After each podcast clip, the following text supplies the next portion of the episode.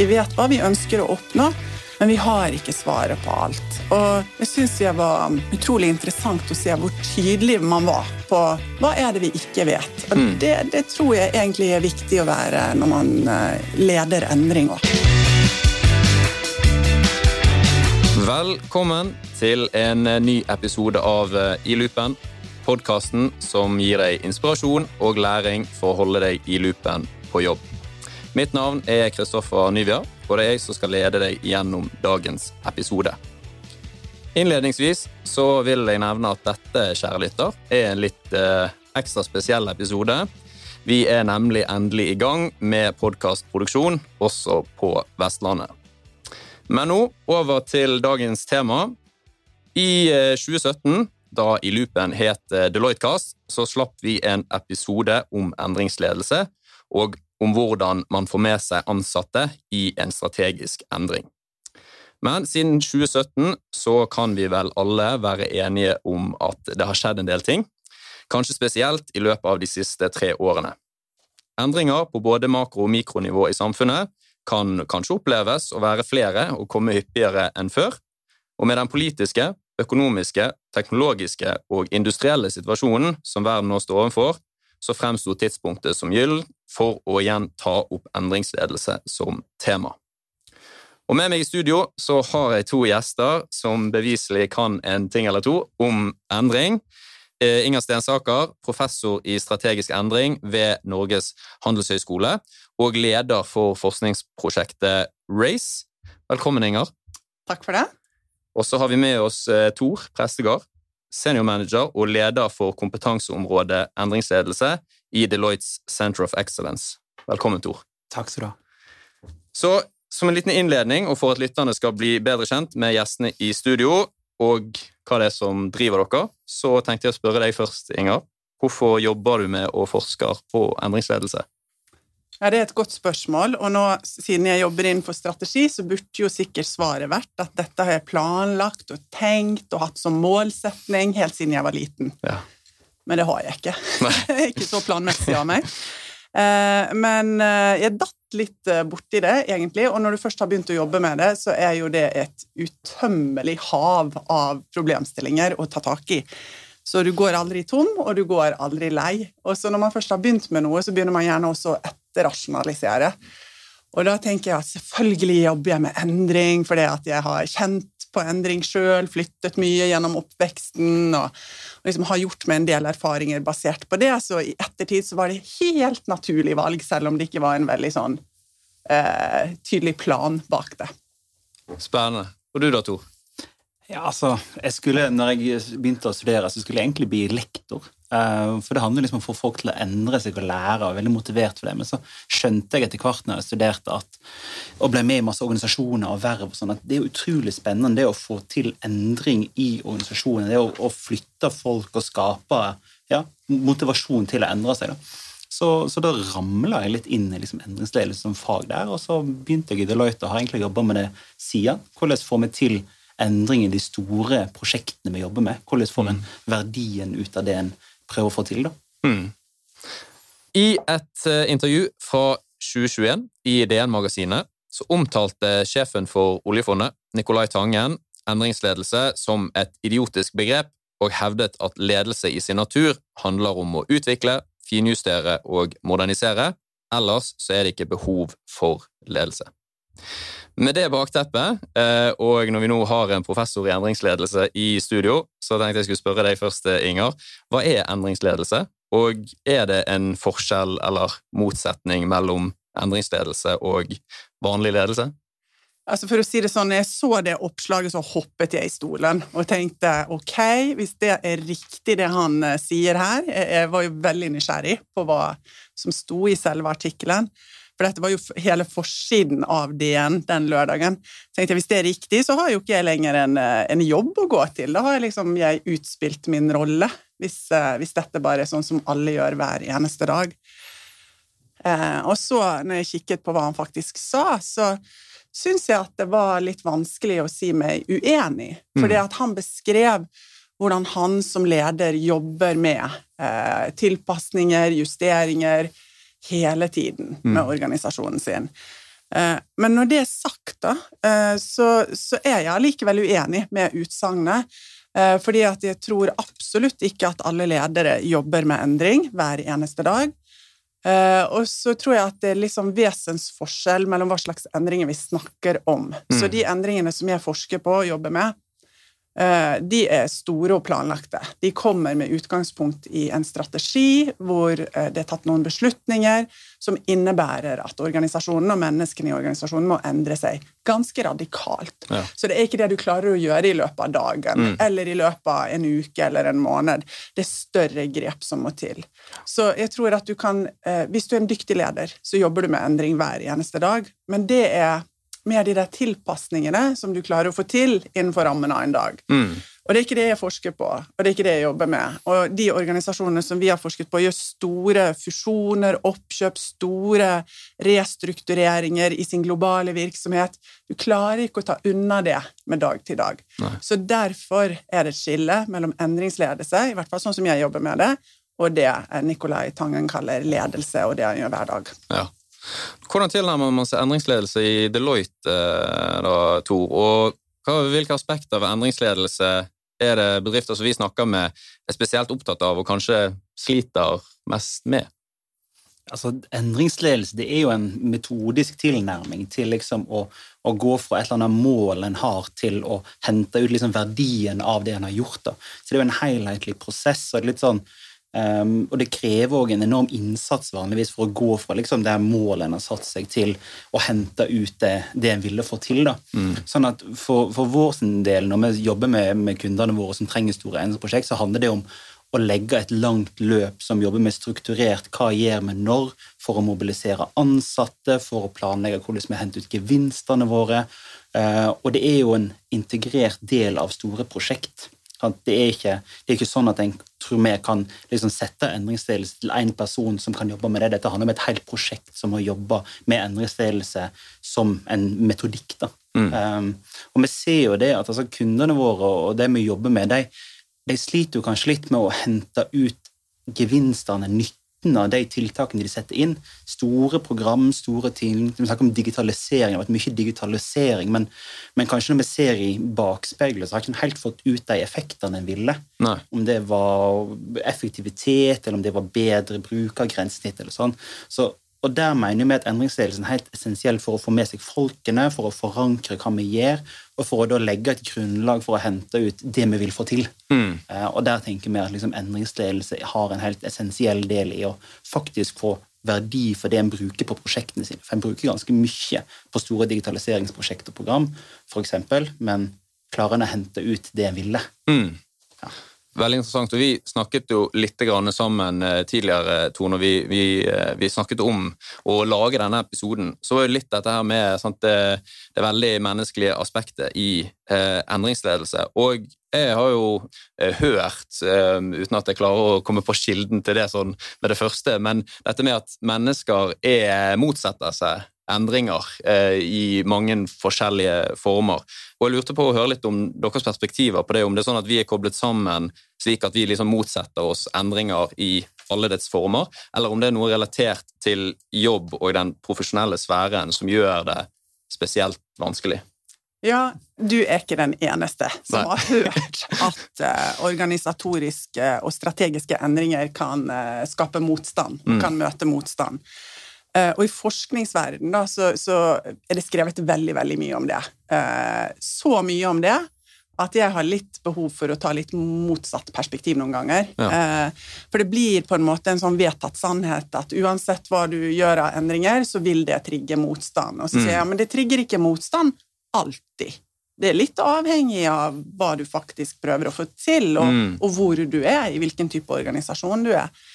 Og det trigger ikke motstand hos alle altså, I enhver endringsprosess så har du noen som også syns at dette er altfor seint, går altfor tregt, og skulle ønske at dette hadde vi, skulle vi ha gjort for et år eller fem siden. Ja. Eh, så jeg har personlig, da, fordi at jeg blir så ofte møtt med det, at mm. det er så mye motstand, eh, og fordi jeg mener at vi, vi, vi, har en god del kunnskap om det, så har jeg behov for å si ja, men det er ikke det eneste som møter oss. Eh, så vel vitende om at dersom du er den som leder store endringer og kjenner på den motstanden, så kan det være kjempekrevende. Så jeg prøver ikke å dysse, det ned eller undervurdere det.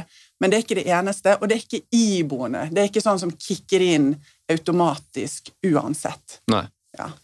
Nei, Det handler vel kanskje gjerne om, som i mange andre tilfeller, at det handler om gode forberedelser, eh, kanskje, før man skal hoppe inn i noe ja, altså jeg tror det, det, handler om det. Så handler det om at altså, Det å endre seg krever jo noe. sant? Mm. Det krever at du gjør noe annet enn du har gjort før. Det krever ofte innsats og, og tar tid fra kanskje det som har lite tid. Så jeg tror det handler mye om tid og om det å skape en forståelse for hvorfor skal vi endre oss. Mm. For det er jo klart at Hvis du kommer og sier du må endre deg, og så ingenting mer, sant? så er det vanskelig å kjøpe retorikken og argumentene. Men hvis du sier vi må endre oss fordi sånn og sånn og sånn, så er du på en gang på vei til å forklare hvorfor skal jeg bry meg, hvorfor skal jeg bruke energien min.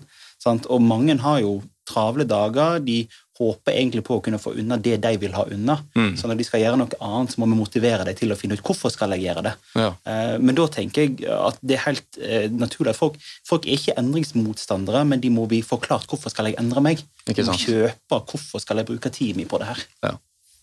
Og Uh, hvis vi går litt over til, til, det å tenke litt spesifikt inn mot bedriften og organisasjonen. For Inger, du har jo jobbet mye med å kartlegge hvordan organisasjoner kan utvikle en kapasitet for endring.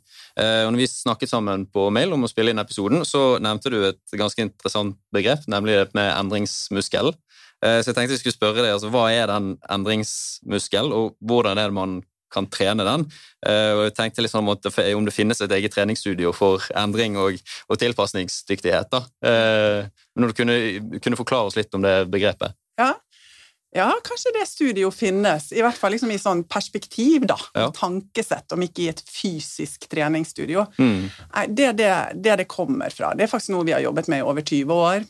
Eh, det er en tenkning basert på hva vi observerte i de virksomhetene vi var ute og forsket i. Eh, store norskbaserte virksomheter som jobbet med store omstillinger. Så så vi at oh, de har egentlig veldig mange parallelle endringer på gang, mm. og, og de, disse overlapper til dels i tid, og det kunne da virke ganske frustrerende, særlig på, på mellomleder- og ansattnivå, for det var, var, ikke alltid man opplevde at disse mange endringene dro i samme retning, og så var litt sånn Hvis du som mellomleder akkurat har begynt å jobbe med å implementere noen endringer, så kom det noe nytt. Og da står du litt sånn i, i, i skvis. Skal jeg jobbe videre med det jeg har startet? Jeg har begynt å forberede folkene mine, eller skal jeg nå ta tak i det nye som kom fra toppledelsen? Mm. Så, så, vi hadde et, et, sånt bilde av at her, det er veldig høy endringstakt i, i enkelte deler av næringslivet. Uh, og det trenger ikke i seg sjøl å være et problem, men det er jo det hvis det opp oppleves problematisk, særlig eh, på mellomleder- og ansatte-nivå, hvor vi hørte om det. Eh, og da, da, begynte vi å leke oss med liksom, er det mulig å bygge muskel. Er det mulig å, å, jobbe opp noe i organisasjonen som gjør at du blir flinkere og flinkere på å håndtere endring. Så gitt at endringene kommer raskt og overlapper i tid, eh, kan du da lære deg å, å implementere endringer sånn at du ikke bruker så mye tid og krefter og ressurser på det. Så vi snakker om kostnadene ved å gjennomføre endring, mm. og så har vi en idé om at du kan eh, minimere de hvis du jobber veldig systematisk, hvis du går i treningsstudio, da. Ja. Ja. Og så har vi skrevet en bok om eh, det, og egentlig så ligger det Det gjennomsyrer alt vi gjør i forskningen vår. Eh, hvordan bygger du en sånn muskel? Eh, og da har vi kikket spesielt eh, i den boken, da, så har vi en del caser som vi tar utgangspunkt i, norske bedrifter. Mm. Og så ser vi hva gjør de Og så har vi, har vi funnet ut at ja, de gjør, det er tre ting de spesielt gjør. De er veldig gode på å frigjøre ressurser, sånn at ikke det hele tiden føles som at det kommer opp på jobben min. Ja. Hvis du er tydelig på liksom hva skal prioriteres, og hva skal i en periode ikke prioriteres, så har du frigjort ressurser, sånn at du får kraft til å gjennomføre endring. Eh, så det er liksom den ene kategorien. Ulike måter man gjør det på. Eh, og så har du det at du faktisk kan øke ressursene midlertidig. Det er det noen eh, norske virksomheter som er veldig flinke til. De har på en måte både ressursene til det og en forståelse for at store endringer koster noe. Vi må mm. investere. Mm.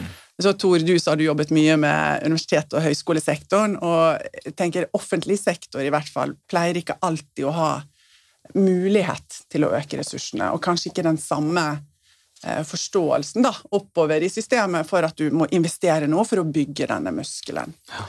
Um, så har du siste kategorien med, med, treningsøkter du kan ta mm. for å bygge muskel. Og det handler om å utvikle noe som ligger igjen i organisasjonen. Noen rutiner knyttet til hvordan du informerer, kommuniserer, involverer, eventuelt nedbemanner, hvis endringene innebærer det. Og det er eh, en del forskning, veldig interessant forskning, som viser at eh, det å ha eh, kjente rutiner og prosesser det kan skape trygghet i prosess. Så selv om ansatte altså all endring vil jo medføre en viss usikkerhet. Mm. Uh, og selv om ansatte kan føle at oh, disse endringene vet jeg ser ikke helt hvor vi skal med dette, ser ikke et helt tydelig bilde av hvor, hvor vi har tenkt oss, men det å kjenne igjen ok, Jeg kjenner igjen måte, involveringsprosessene våre. Jeg vet når jeg får informasjon, jeg vet når det er liksom tid for toveiskommunikasjon osv. Det kan skape trygghet. Og hvis mm. du, hvis du bygger den muskelen og er bevisst måten du jobber med ressursene dine, så er eh, tanken det at da kan du komme ut av enhver endringsprosess styrket. Så du har en muskel i organisasjonen som hjelper deg når du skal i gang med neste endring. Du har mm. bygget opp noe som gjør at kostnadene ved endring blir lavere i fremtiden, og du får mye mer effektive og bedre prosesser. Ja. Mm. hva sier du til, til, det, Tor? Høres det litt, eh, litt, kjent ut, noen av de utfordringene som du har vært, eh, vært borti når du har vært, jobbet med, jobbet med bedrifter rundt dette, og f.eks. i, i utdanningssektoren? Ja, altså Generelt tror jeg det er kjemperelevant og, og kjent det her med at en har ofte mange initiativ gående, sant? og så tror jeg han er litt dårlig på å prioritere hva som er viktigst, og hva vi eventuelt skal si at men det, dette gir ikke vi nå. Vi har ikke kapasitet. Sant? Og i stedet for så tror jeg flere tenker men man må få til alt. Og så trekker en seg litt tynn, og så blir en ikke, har ikke en god nok kapasitet til noen av tingene. Eh, og så kommer en da ut med kanskje litt sånn halvveis resultat, eller en har ikke tid til å kjøre de gode prosessene. Og så får en da den her endringsmotstanden fordi at en har erfart at sånn gjør vi det før. sant? Mm. Og så blir folk slitne. De, de, gjør det på toppen av sin vanlige jobb, de får ikke frigjort tid. Eh, og hvis en da i tillegg ikke ønsker å knytte til seg eh, ekstern kapasitet eller kompetanse i en periode når en trenger det, og investere i endringen, så får en liksom en sånn dobbel opp. En vil ikke ta ned prosjektene, mengden en gjør, og en har heller ikke tid til å gjøre de på enkeltpersoner. Um, så jeg tror det er veldig uh, kjent. Og så er det her med treningsøkt, eller det her å å gjøre seg et erfaringsbibliotek på endringene. Sant? Bygge en sånn Sånn gir vi endring i oss. Eh, ta organisasjonen med på at nå har vi gjort det på den måten nå, dette lærte vi, dette skal vi ikke gjøre igjen. Gå videre på det vi lærte å ta vare på. bygge et sånt her, For da har en en forutsigbarhet i de store endringene. og i hvert fall bedrifter som nesten alltid gjør store endringer, sant? bør ha en sånn vår måte å gjøre det på, mm. som henger sammen med god endringsledelsesteori og praksis, men òg som er liksom sånn er vi, sånn ja. er oss, for da blir det trygt og kjent. Eh, for vi ser jo det, denne usikkerheten i endring. Hva med meg? Hvordan får jeg informasjon? Er det en risiko for at jeg får en endring som jeg ikke setter pris på? Sant? Det kan du ta ned med god eh, kommunikasjon, involvering, forståelse.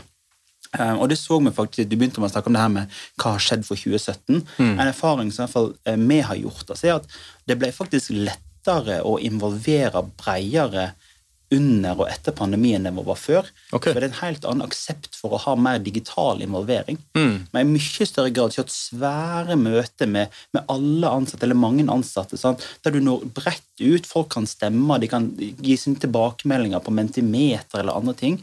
Vi har hatt gode tilbakemeldinger på at dette har vært en plass der jeg har kommet mer til orde, jeg har fått mer sagt det jeg ville, enn på sånne tradisjonelle allmøte- eller høringsrunder. Mm. Så det har vært en litt sånn interessant erfaring. og da må liksom, Vi har tatt ned den her terskelen for å si noe bli hørt, og vi har tatt ned, kanskje økt den muligheten til å og sørge for at mine perspektiv de er hørt i den prosessen. her. Det er ikke sikkert de blir tatt til følge, men du er hørt, du er forstått, og vi skjønner hva som er viktig for deg. Ja.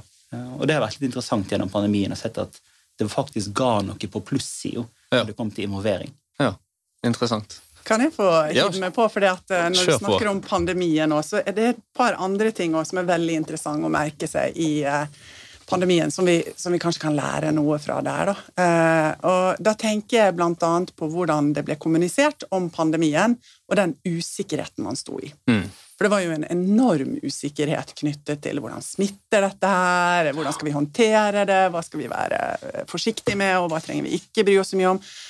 Og da vil jeg jo si at um, det som blir kommunisert fra regjeringen, var veldig ofte at ok, dette vet vi, dette vet vi fortsatt ikke. Ja. Og der tror jeg det er en viktig læring fra, for, for, ledere og de som jobber med endringsledelse, at det er helt ok å si at det er mye som er usikkert. For når du begynner å gjøre store endringer, så så på en måte begynner du å bevege alt, alt, kan være i bevegelse, eller det kan i hvert fall føles sånn. Og, ja. og da å være helt åpen på at ja, vi har ikke svarene på alt, men nå skal vi prøve dette, og så skal vi se. Til jul så ser vi litt ok, hvordan ser bildet ut da? Den overordnede retningen har vi. Vi vet hva vi ønsker å oppnå, men vi har ikke svaret på alt. Og det syns jeg var utrolig interessant å se hvor tydelig man var på hva er det vi ikke vet? Og mm. det, det, tror jeg egentlig er viktig å være når man eh, leder endring òg. Ja. Mm. Vel, veldig enig, og det her å gå inn og være sånn Det er nesten litt sånn sårbar å si at vi har ikke full, vi vet ikke alt, vi har ikke forstått alt, men vi har forstått en del, og vi vet hvor vi skal. Og òg det her å, å, vise at en tar folk med på en annen prosess. Sant? På neste møtepunkt så vet vi kanskje mer. Har dere noen gode innspill? Ok, vi tar de med, sant? Og, og jobber med den her usikkerheten som ofte oppstår for å bygge laget. Ja. Vi løser det i lag. Ja. Uh, og det har vært litt sånn, det syns jeg er viktig. Liksom, det å og vi har, som du sier, våge å vite at det er ikke alt vi vet, mm. men vi skal løse det i lag. Og vi ja. skal finne gode svar på dette her på sikt.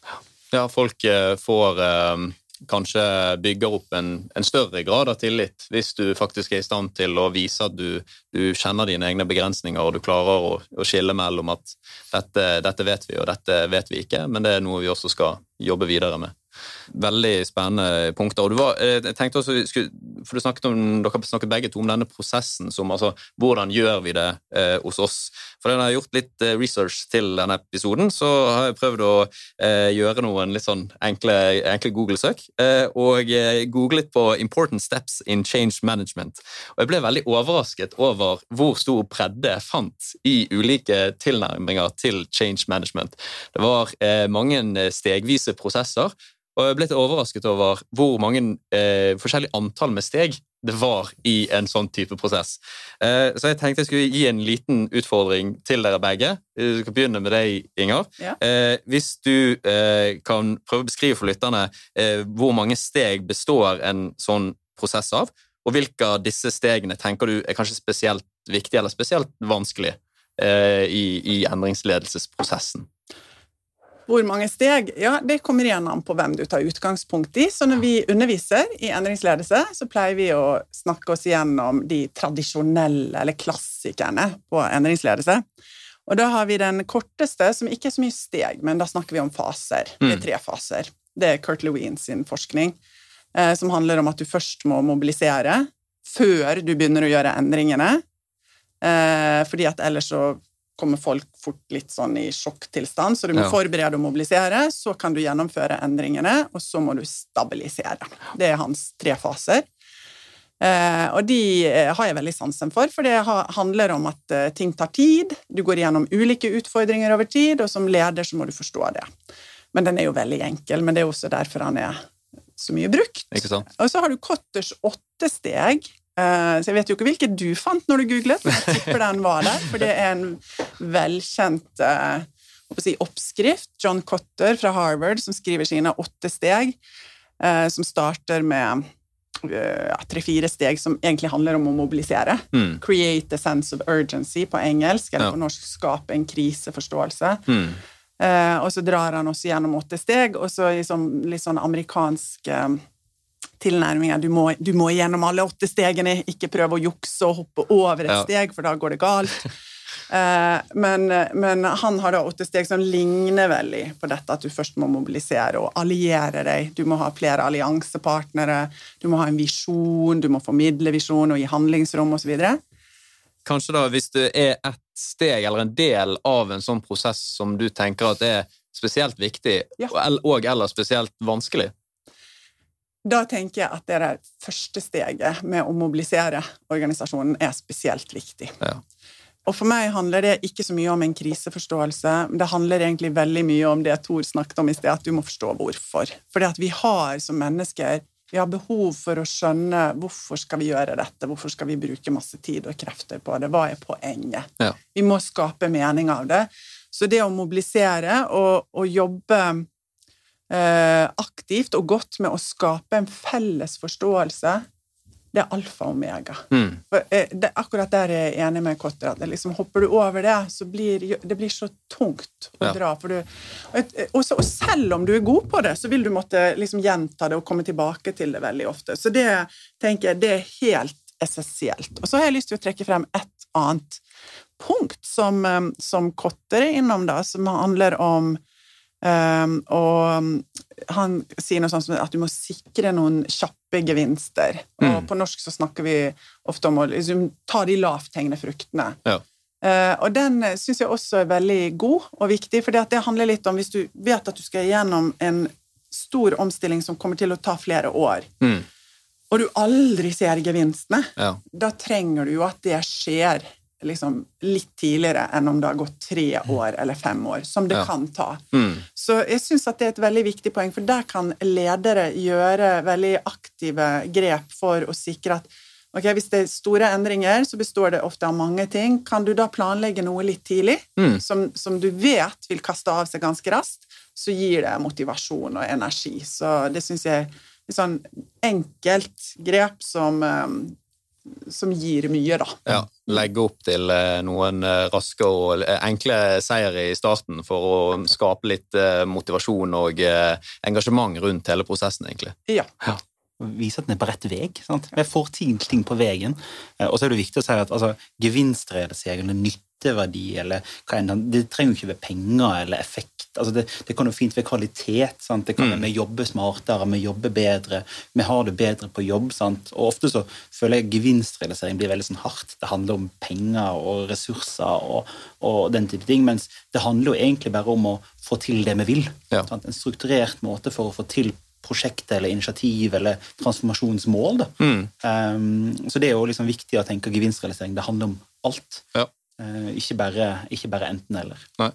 Hvor mange steg har vi i, i vår prosess, egentlig? Og, og, Inger snakket jo om det som et, det, det, hun mente var det viktigste steget. Så jeg tenkte kanskje jeg skulle spørre deg om hva du eh, opplever er det vanskeligste steget i en sånn uh, prosess? Det vanskeligste? Ja, altså, Deloitte sin prosess uh, heter jo på, på, godt engelsk 'vision to value'. Mm. som handler om hvordan går vi fra målet vårt til å hente ut av verdi.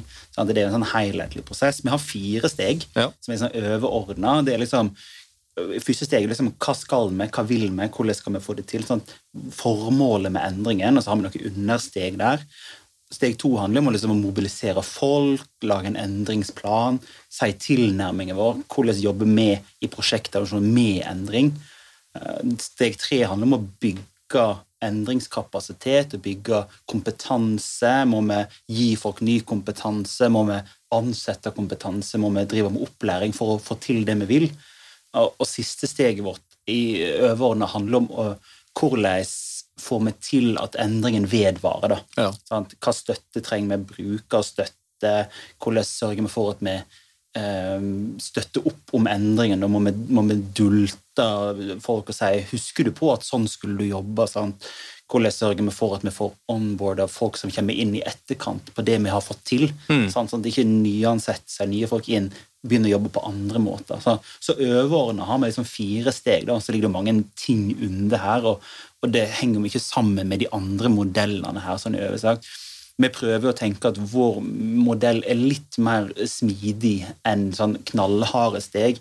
Vi prøver ikke å ha så mye faseavslutninger som vi har overganger, mm. der vi kanskje må tilbake igjen og revidere målet vårt hvis vi ser at det endrer seg. Sant? Kanskje vi må oppdatere opplæringsplanen vår basert på en utvikling. Vi må ha en mer smidig tilnærming, sånn kjempeharde fasesteg. Ja.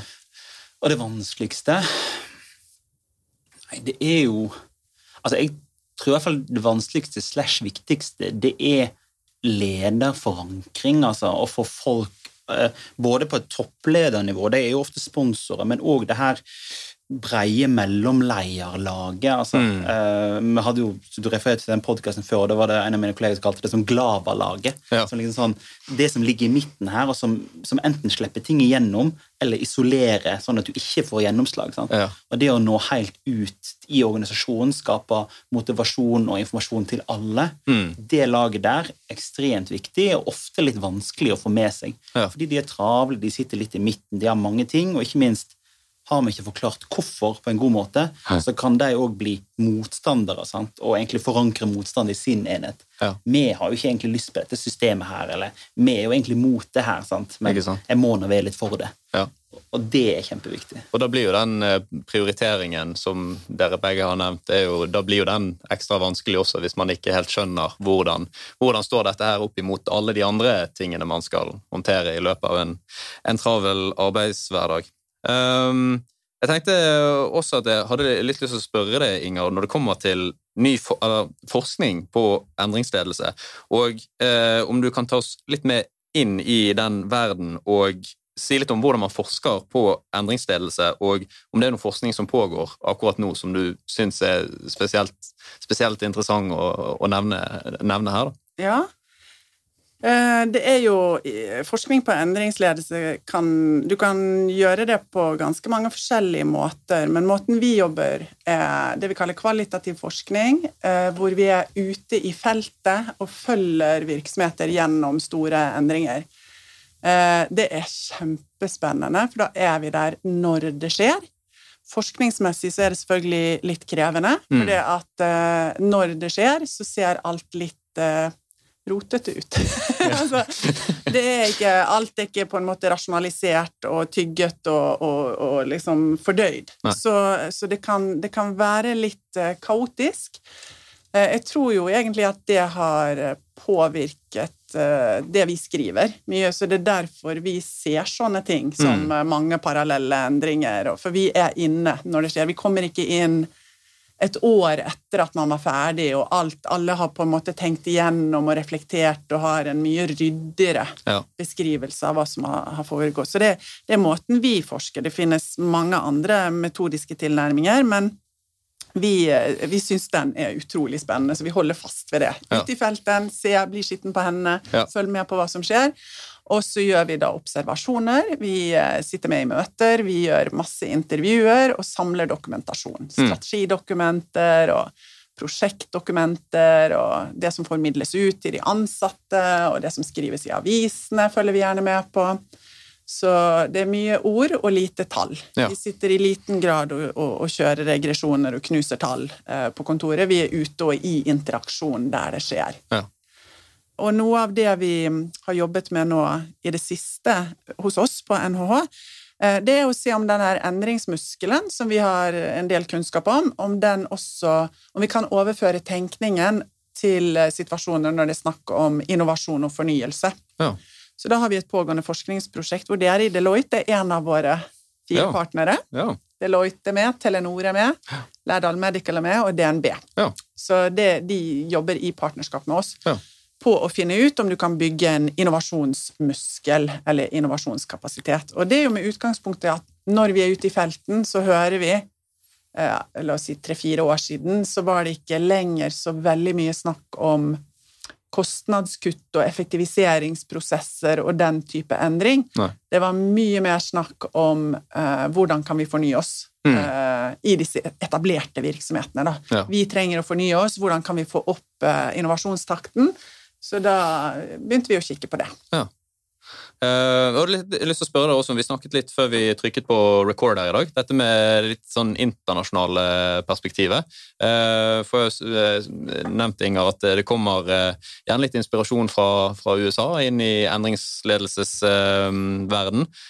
og Tor, du jobber jo mye på tvers av ikke bare liksom i, i Norge, men også internasjonalt med, med, endringsledelse. Så det er egentlig et spørsmål til dere begge. Hvordan skiller endringsledelse i Norge seg fra andre land som dere har, har opplevd og, og, og at jobber med, jobber med endringsledelse?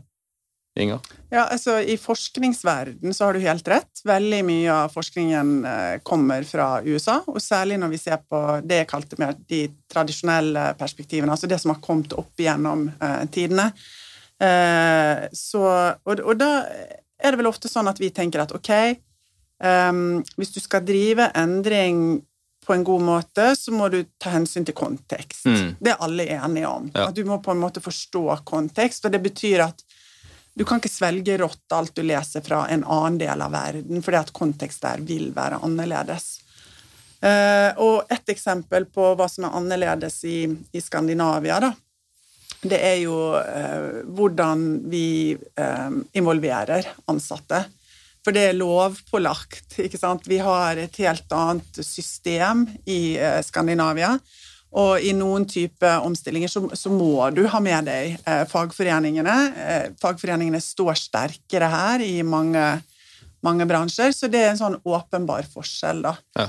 Eh, men generelt så tenker jeg at når vi leser noe som kommer fra en helt annen del av verden, eller en helt annen type bransje som drives av helt andre ting, så, så skal vi tenke litt Ok, funker dette her hos oss? Ja.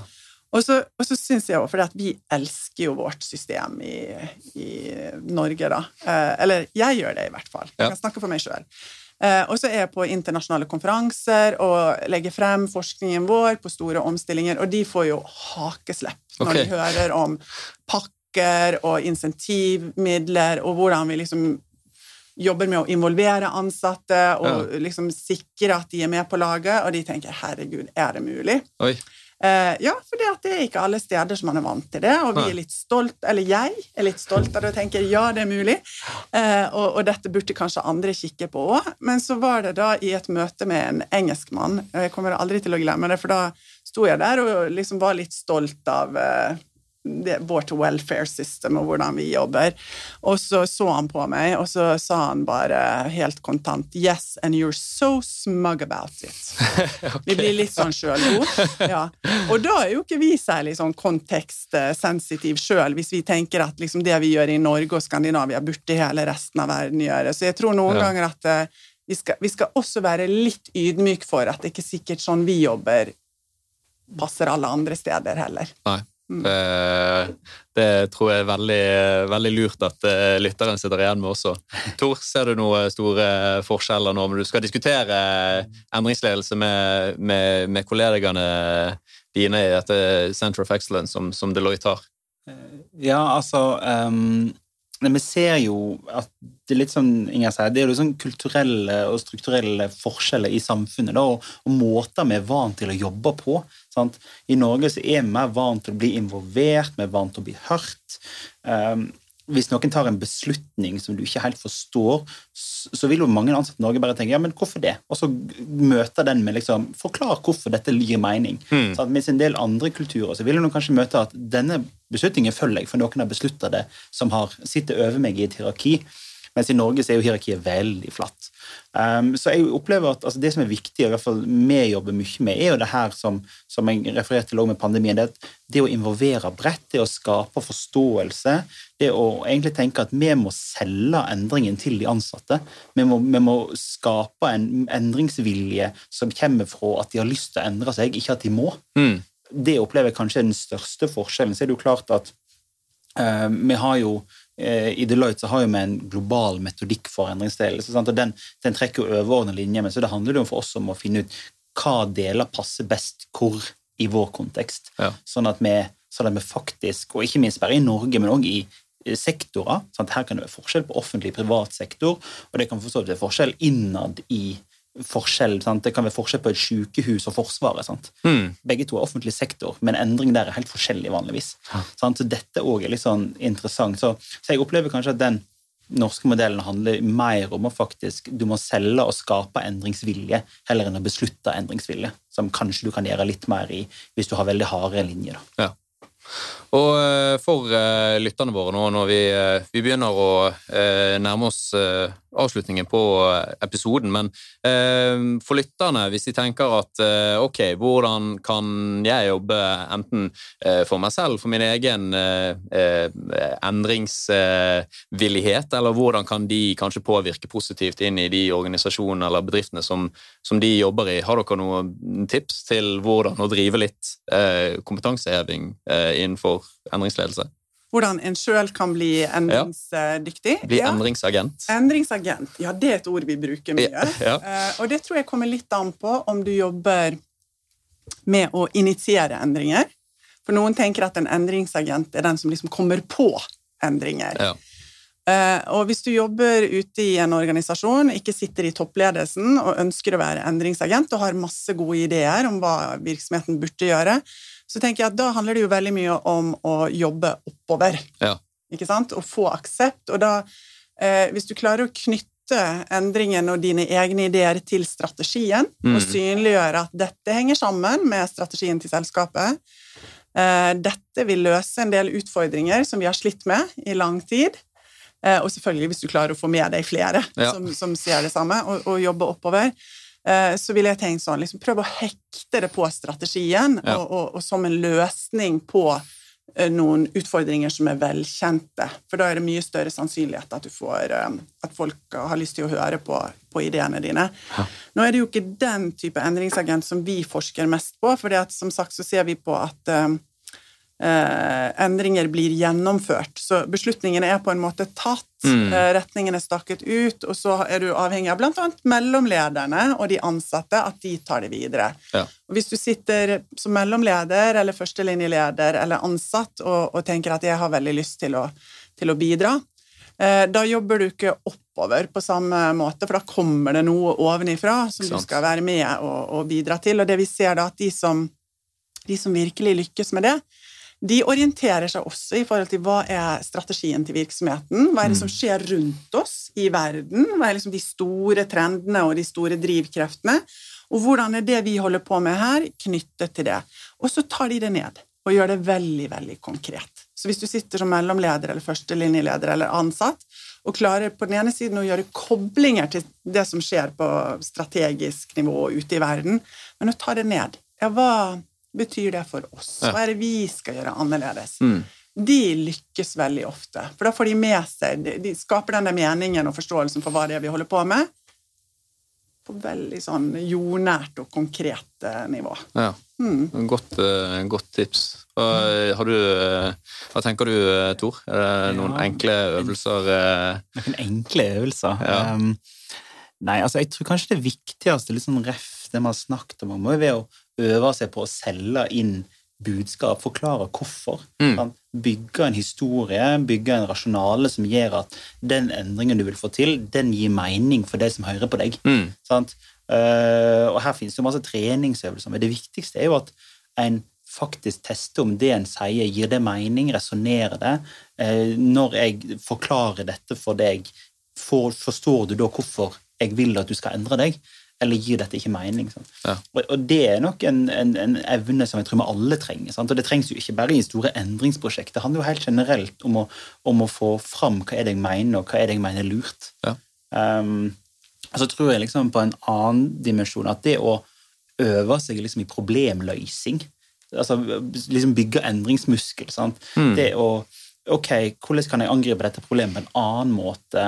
Eh, det går an å se til liksom, sprintmetodikk eller tjenestedesign. Sant? Altså, hvordan er nye måter å løse problemene på? Og da kan du liksom igjen sant, spille opp Jeg tror vi kan løse dette sånn. Sant? Har vi egentlig tenkt på dette på den måten hvis vi, hvis vi ikke er kommet i et prosjekt mm. eller et initiativ? Og hvis vi er et hva hvis vi gjør det sånn i stedet for? Får ikke vi da bedre effekt ut av det vi vil få til? Ja, og ved liksom, å, kunne, å kunne være en god rådgiver og sparringspartner for, for toppledelsen òg, hvis det er der en sitter i organisasjonen. Ja. Og eh, helt til slutt så tenkte jeg på Hva tenker dere er det viktigste at lytterne sitter igjen med i, i dagens, etter dagens episode? Ja, altså, jeg tenker jo at det å eh, ha det perspektivet at endringsledelse er noe man kan bli god på. Det er som en muskel som kan trenes og bygges. Den kan man også miste. Mm. Så det gjelder å ikke på en måte slappe for mye av. Eh, men en ting som vi kanskje ikke har fått frem godt nok, som jeg har lyst til å si avslutningsvis, er at noe av det som, er, som ligger i det perspektivet, eh, det er jo at de erfaringene folk gjør seg, er så utrolig viktig, for de mm. har du med deg inn i neste endring. Ja. Så det handler om å bygge muskel, ja, men noe av grunnen til det er at folk husker jo. Mm. Eh, så hvis du tenker at vi kommer til å være igjennom flere endringer enn akkurat den vi står i i dag, ja, da mm. bør du jobbe på en sånn måte at du sikrer at det, at det, skapes gode erfaringer av at det har vært en, en eh, rettferdig og effektiv og ryddig prosess. Ja, mm. Man viser at man er en, eh, er en lærende organisasjon. Ja. At man tar lærdom av det man har vært igjennom. Det er jo ingen verdi som kanskje, kanskje blir større enn det, da. Men ja, Eh, Tor, noen avsluttende ord til, eh, til lytterne våre? Oi. Ja, nei, jeg, jeg tenker at, at endringsledelse er noe som man må liksom jobbe med strukturert. og Jeg tror det er viktig å sitte igjen med. at det er, ikke, det er ikke noe en bør gjøre halvveis, eller noe en bør tenke på to måneder før en skal gjøre et eller annet. og shit, vi må ha litt opplæring. At det her handler litt mer strukturert. og jeg tror og jeg tror det å tenke at Mange jobber med endringsledelse. Mange er endringsagenter eller endringsledere ute i organisasjoner. Hvordan vi bygger et lag av endringsledere, endringsagenter på, på alle nivåer, mm. som kan hjelpe oss å få til det vi vil. Det er utrolig verdifullt. Og, og så syns jeg det var godt sagt det her med å forstå brukerne. Hvem er det vi skaper endringen for? Hvordan setter meg i en person sine sko og forstår hvordan den påvirker? Det tenker jeg er kjempeviktig. Ja. Ja, så eh, kjære lytter, hvis du syns at uh, dette her var en uh, interessant samtale, så håper jeg at du deler og forteller om episoden til noen du kjenner. Har du spørsmål eller innspill, så skriv gjerne til oss på Instagram eller på Facebook på Deloitte Norge. Jeg vil si tusen takk til Inger og til Tor, som tok seg tid for å komme og dele sine kunnskaper, perspektiver og erfaringer med oss. Og også tusen takk til deg som lytter. Vi høres.